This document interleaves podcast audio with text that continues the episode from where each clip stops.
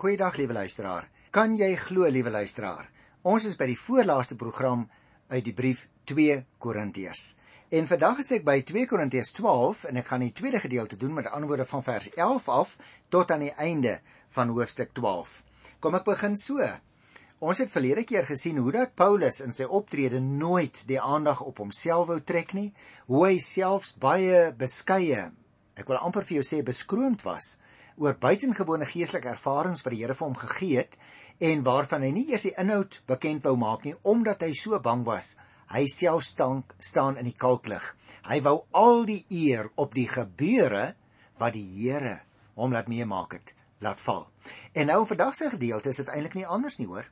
Want hier praat Paulus met groot besorgdheid oor die gemeente. En daarom het ek maar die opskrif hier so bietjie uh gewoon gestel en gesê optrede is altyd in belang van die gemeente as jy na Paulus kyk. Want liewe luisteraar, jy en ek trap so maklik in die slaggat van dat ons aandag wil hê. Dat ons wil sê wat ons doen in die gemeente, ons rol en ons taak, of jy nou 'n leraar is of jy nou 'n lidmaat is, ons het maar almal daai geneigtheid om gesien te wil word. En hierso het ons totaal 'n ander ingesteldheid by die apostel Paulus, want ek dink as daar nou een ou van die Nuwe Testament is, behalwe die Here Jesus natuurlik wat absoluut alles veil gehad het vir die gemeentes, dan was dit juis Paulus. Jy weet hy word beskou as die grootste sending van alle tye uh wat die Christendom betref. Daar in Klein-Asië en wat ons vandag ken as Turkye was hy die die uh sending onder die heidene. Alles veil gehad, maar hy wil nooit ook ten opsigte van enige van die gemeentes wat hy gestig het enige dank of erkenning of aandag daarmee probeer kry by mense nie. Kom ons kyk na so 'n paar algemene riglyne voordat ek nou hierdie klompie hoofstukke met saam met jou deurgaan vandag. Om te verhoed dat hy enigstens hoogmoedig sou word, is daar vir Paulus 'n doring in die vlees gegee. Ons het nou die vorige keer al so bietjie met mekaar daaroor gesels. Ons gesê dit was waarskynlik liggaamlike ongesteldheid waaraan hy gedurig herinner is. Hy noem dit 'n boodskapper van die Satan wat hom met vuiste slaan. 3 maal het Paulus gebid dat die doring van hom af weggeneem moes word. Maar al antwoord wat hy van die Here gekry het was: "My genade is vir jou genoeg. My krag kom juis tot volle werking wanneer jy swak is." Onthou maar daar gaan kyk weer as jy wil Hosea 12 by vers 9. Die Here het uiteindelik nie sy doring weggeneem nie, maar aan hom genoeg krag gegee om daarmee saam te lewe. En daarom roem Paulus liewer oor sy swakhede sodat die krag van Christus in en deur sy lewe en sy werk kan ontvou. Swakhede byvoorbeeld soos beledigings en ontberings, vervolging en allerlei moeilikhede ter wille van Christus maak Paulus eintlik baie bly. Dit wys vir hom net een ding: as hy swak is, is hy eintlik sterk. Want hy het al die beledigings en ontberings deurstaan ter wille van Christus. Paulus maak nou self 'n lys van sy bekwaamhede. Eintlik verkwalik hy die Korintiërs dat hulle dit nie gedoen het nie. Hulle moes meer in sy guns gepraat het. Al Paulus se tipiese optredes as apostel, soos byvoorbeeld die tekens en die wonders, die kragtige dade, is 'n bewys daarvan dat hy regtig nie hoef terug te staan vir die valse profete nie. Al wat hy nie gedoen het nie, was om geldelike vergoeding van daardie mense te vra nie. Paulus is nou om die waarheid te sê op hierdie stadium op pad na die Korintiërs. Een ding moet hulle altyd onthou. Stuur hy so lank vir hulle die boodskap met die brief vooruit.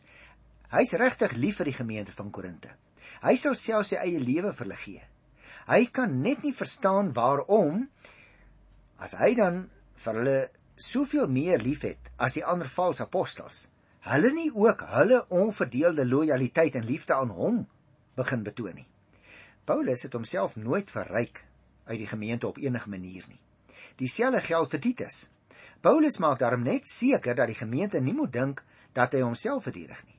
Alles wat hy doen is in belang van die gemeente se geestelike opbou.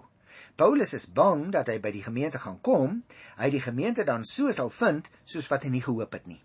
Die gevoel mag dalk wederzijds wees. Hy is 'n bietjie bekommerd daaroor, né? Hy's bang en hy's moeg vir twis en naaiwer en onbeheersheid en selfsug en kwaadpraatery en nuusdraery en verwaandheid en wanordelikheid. Hy het genoeg gehad daarvan.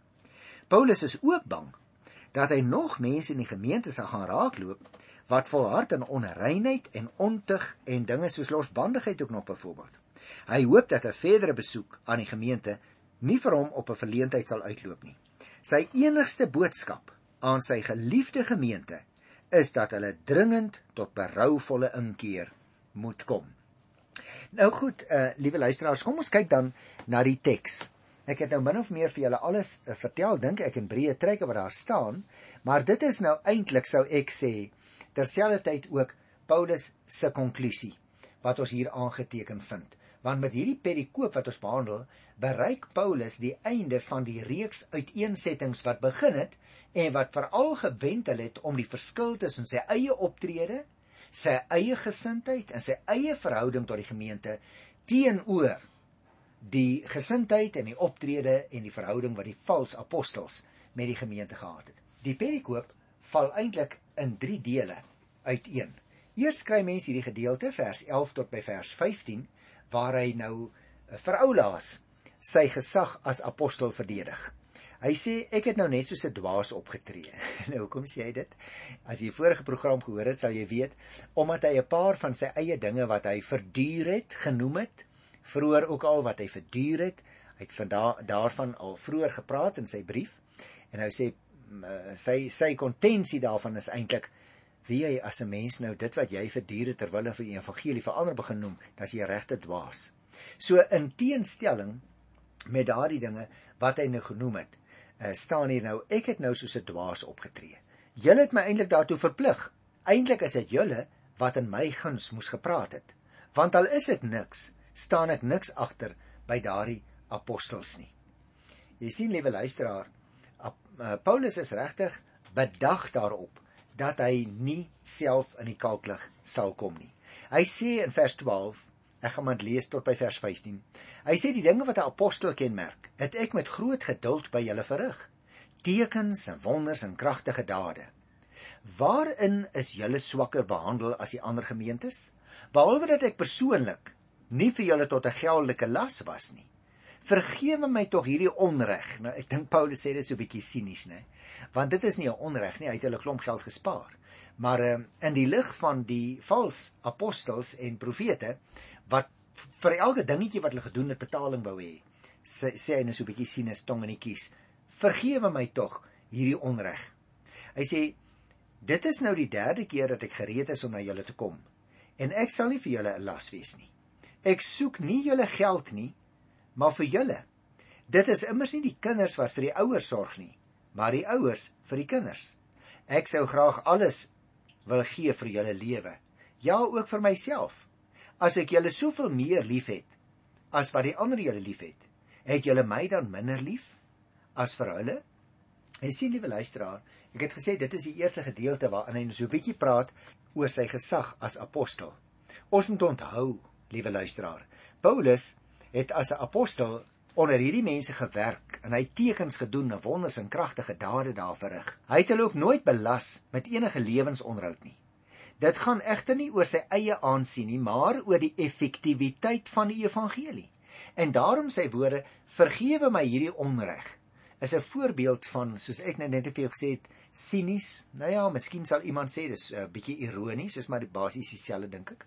In werklikheid het hy vir die Korintiërs meer gedoen as vir enige ander gemeente. En hy het ook vir hulle meer gedoen as enige ander van die valse leraars. Maar Daar was nog steeds misverstand aan hulle kant. Paulus wil hê dat hulle dieselfde liefde vir hom moet hê as wat hy vir hulle het. Paulus het byvoorbeeld die gemeente van Korinte tydens sy eerste besoek aan die stad gestig. Gaan kyk gerus in Handelinge 18 vers 1 as hy dit uh, daar lees. En hy het hulle ook al 'n tweede keer besoek. Die besoek het egter vir hom op droefheid uitgeloop. Jy sal onthou ons het daaroor gepraat in Hosea 2 by die eerste vers. Hierdie sou dus sy derde besoek wees wat hy nou op die oog het en dit wil onderneem. Met ander woorde, as ek uh, hierdie eerste uh, gedeeltjie uh, wat handel oor sy uh, gesag as apostel moes saamvat, dan sou ek wou sê in hierdie eerste deel wil Paulus sê as alles in ag geneem word, is my konklusie dat ek julle baie liewer gehad het as die ander en dat dit by julle net so 'n wederliefde vir my behoort op te roep. Anders gesê, Paulus luisteraars hoef geensins vir die vals apostels en leraars terug te staan nie. Dit word deur twee sake bevestig. Aan die een kant nommer 1 getuig sy werk by hulle wat hy daar verrig het in die Here se naam. Aan die ander kant tweedens kan die feit dat hy nie vir sy lewensonderhoud van hulle afhanklik was of sal wees in die toekoms nie, nie as 'n gebrek aangedui word in sy verhouding tot hulle nie. Ania. Dit staan veel eerder in die teken van sy liefde vir hulle. Hy kos hulle niks. Dit is naamlik 'n teken daarvan dat hy bereid is om self vir sy eie lewensonderhoud te werk sodat hy hulle nie belas nie. En dan liewe luisteraars, ek het nou gesê daar's 3 gedeeltes. Die tweede is eintlik baie baie kort. Mens kry dit hier in vers 16 tot 18. Hy sê: "Goed. Ek was dus nie vir julle 'n oorlas nie. Maar julle kan dink ek was slim en ek het julle uitoorlê. Het ek myself dan miskien ten koste van julle geldelik bevoordeel deur een van die mense wat ek na julle toe gestuur het? Ek het vir Titus gevra om na julle toe te gaan en ook 'n ander broer saamgestuur. Het Titus homself dan geldelik bevoordeel ten koste van julle? Handel hy en ek nie dieselfde gees nie en loop ons nie in dieselfde spore nie? Nou luisteraars, ek wil net eers 'n baie kort opmerking maak oor Paulus se siening ten opsigte van geld. Want jy sien ons lees dikwels dat Paulus daarop roem dat hy geen geld neem vir sy werk nie. Nou is daar natuurlik verskeie redes daarvoor. Een daarvan is as 'n mens destyds geld van iemand gevat het, het jy as dit ware onder 'n morele verpligting gestaan om iets soortgelyks vir daardie persoon te doen. Jy het hom dus sal ons so moderne taal sê, hoorie, jy skuld my. Paulus wou vry bly om die evangelie te verkondig. Daarom wil hy nie van enige iemand enige geld geneem het nie. So uh, ons moet dit net baie goed verstaan dat hy homself onderskei het wat sy eie onderhoud betref. Hy het hom glad nie bevoordeel nie. En ook Titus wat deur hom na die gemeente in Korinthe gestuur is, ook Titus het homself nie bevoordeel nie. Dit is die tweede saak wat hy noem. En dan 'n derde aspek wat hy aansny, kry mens eintlik, dit is 'n lang versies, maar hierso in 2 Korintiërs die 12de hoofstuk by vers 19 tot 21. Uh ek dink 'n mens kan dit so bietjie afsonderlik sien en daarom uh, gaan ek dit eers lees en dan gesels ons met mekaar daaroor. Julle dink seker lankal dat ons ons by julle probeer verdedig. Nee. Ons praat in verantwoordelikheid aan God en in verbondenheid met Christus. Alles wat ons doen, geliefdes, is in belang van julle geestelike opbou. Ek is bang dat wanneer ek kom, ek julle miskien nie sal vind soos ek dit graag wil hê nie en dat julle my ook nie sal vind soos julle dit graag wil hê nie. Ek is bang vir twis, naaiwer, onbeheerstheid, selfsug, kwaadpraatery, nuusdraery, verwaandheid, wanordelikheid. Ek is ook bang dat wanneer ek weer kom, my God my by julle in verleentheid sal bring en dat ek sal moet treur oor baie van julle wat geruime tyd al 'n sondige lewe lei en wat oor hulle onreinheid en ontug en losbandigheid nie tot berouvolle inkeer gekom het nie. So jy sien liewe luisteraars, hy het dus so 'n bietjie bekommernis in sy hart gehad dat as hy nou soontoe sou gaan, hy by hulle dinge sal aantref wat hy nie eintlik wou gesien het nie. En uh daarom is hy bietjie huiwerig want uh eintlik ken hulle hom natuurlik baie goed. Hy het dan die gemeente gestig. Eintlik ken ook die jong mense hom want hy het later weer 'n besoek daar by hulle afgelê. So dis glad nie dat Paulus vir hulle 'n vreemdeling is nie. Inteendeel, hulle ken hom om die waarheid te sê baie baie goed. En daarom hierdie uh gedeelte wanneer mense hierdie lys van dinge lees waaroor Paulus by die Korintiërs bang is, besef jy skielik dat gelowiges doodgewoon en onvolmaak is. Al het ons ook die gawe van die Heilige Gees ontvang, wat die aard van daardie gawe ook al is. Paulus noem hy byvoorbeeld goed soos twis en naaiwer en onbeheerstheid en selfsug en kwaadpraatery en nuusdraery en so. En wanordelikheid. Dan klink dit in elk geval so bekend wil ek vir jou sê dat ons nie moet dink dat dit net in die gemeente van Korinte voorgekom het nie. Ongelukkig is dit dikwels ook nog so in ons eie gemeentes. Dalk in die gemeente waar jy is, liewe luisteraar, dat jy raadrand vir jouself sê, maar ek wil regtig weghardloop. Dit voel vir my asof hier allerlei goed gebeur wat nie tot eer van die Here is nie. En dit is so, ons voel so en ons moet ook elkeen daaraan werk dat ons nie die gemeente benadeel en breek nie, maar dat ons die gemeente eerder opbou. Jy sien, hierdie gedeelte is dan ook in 'n sekere sin die afsluiting van vers 19 af tot by vers 21, want die hele stuk verdediging van homself, die lang ry feite wat opgenoem is, die geroem op prestasies, het slegs een enkele oogmerk gehad, naamlik die opbou van die gemeente. Dit staan in vers 19. En die opbou luisteraars lyk dit vir my dui hier op die geestelike vordering van die gemeente.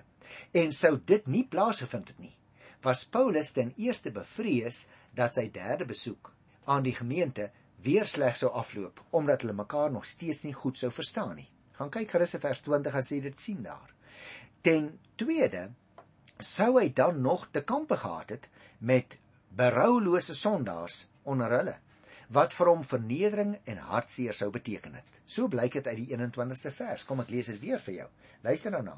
Ek is ook bang dat wanneer ek weer kom, my God my by julle in verleentheid sal bring en dat ek sal moet treur oor baie van julle wat geruime tyd al 'n sondige lewe lei en dan noem hy sekere onrein dinge waarmee hulle besig is, hulle steeds nog daarmee uh besig hou. Hier aan die einde van vandag se program, dis luisteraars, wil ek net vir jou herinner aan sekere van die hooftemas wat in die boek 2 Korintiërs voorgekom het. Ons lees herhaalde kere hoe dat Paulus bang was, hulle is ongelukkig oor hom en hulle is ongelukkig uh weer van hulle kant af onder mekaar oor sekere dinge.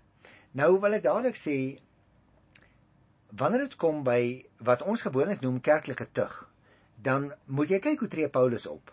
Paulus verdedig sy standpunt oor dissipline in die kerk dwaalleer byvoorbeeld en onsedelikheid sê hy mag nie geïgnoreer word nie. Die kerk moes dissiplinêr reg wees. Hulle moes dus dissipline toepas. Nie ongenaakbaar nie hoor, maar moes ook nie onverskillig in die verband staan nie. Daarom moes hulle ook wanneer 'n lidmaat uh, om verskoning vra, wanneer 'n verhouding reggestel is, dan moes hulle daai ou weer terug verwelkom, veral as hy opregte berou betoon. En nou het hy in sy brief 2 Korintiërs soveel keer vir hulle gesê hoe hy oor hulle voel. En tog sien ons is hy nog bang om terug te gaan. Hoekom? Omdat hulle dalk onvergewensgesind is. Dissipline in die kerk luisteraars mag nie 'n middel wees waardeur wraak geneem word nie, maar moet een wat dwaal, wegdwaal van die waarheid van die gemeente af na die regte pad toe probeer terugbring. En daarom lyk dit vir my, 'n mens kan regtig kategories sê, as 'n kerk effektief kerk van Christus wil wees, moet probleme aangepak en opgelos word. Tug bestaan nie daarin dat 'n ou uit die kerk uitgegooi word nie. As jy dus 'n probleem met iemand het of as jy 'n wrok teen iemand het of as jy onopreg was teenoor iemand, liewe luisteraar, dan moet jy daai saak aanpak en jy moet dit oplos.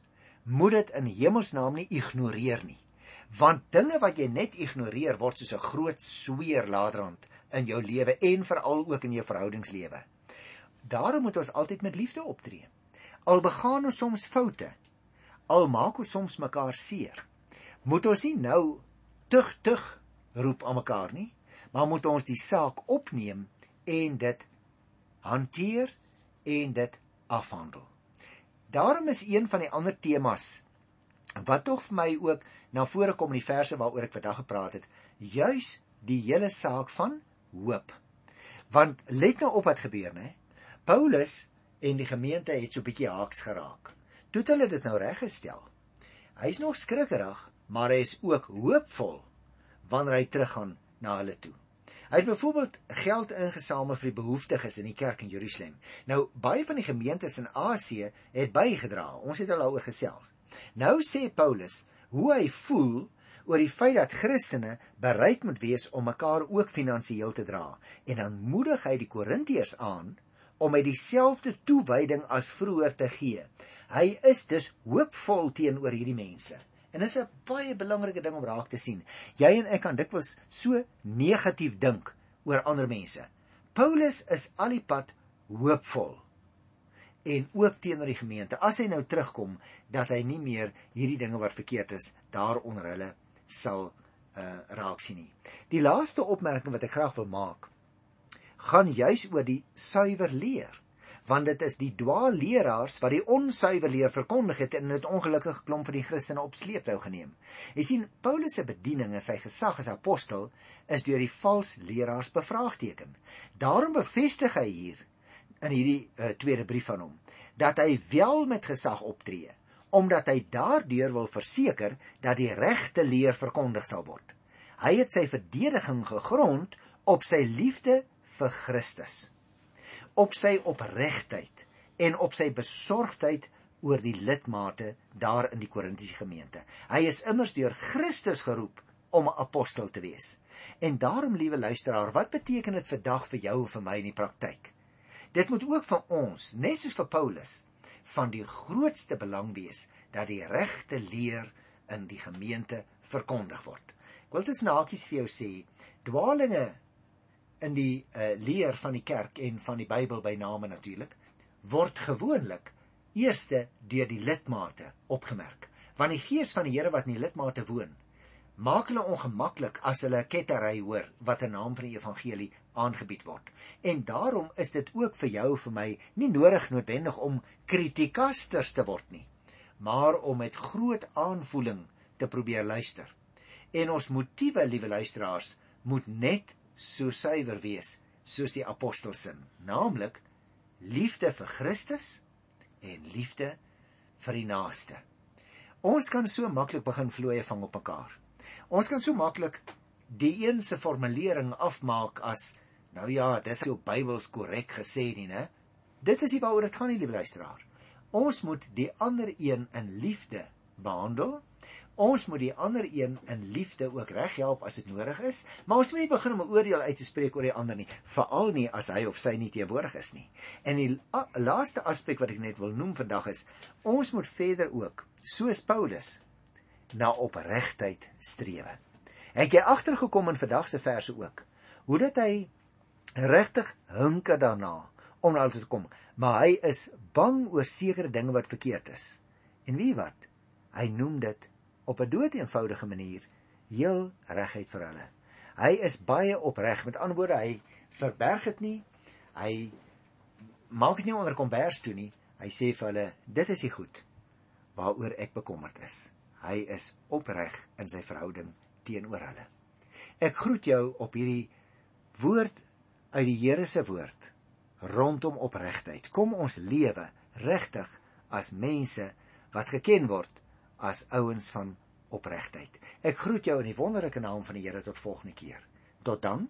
Totsiens.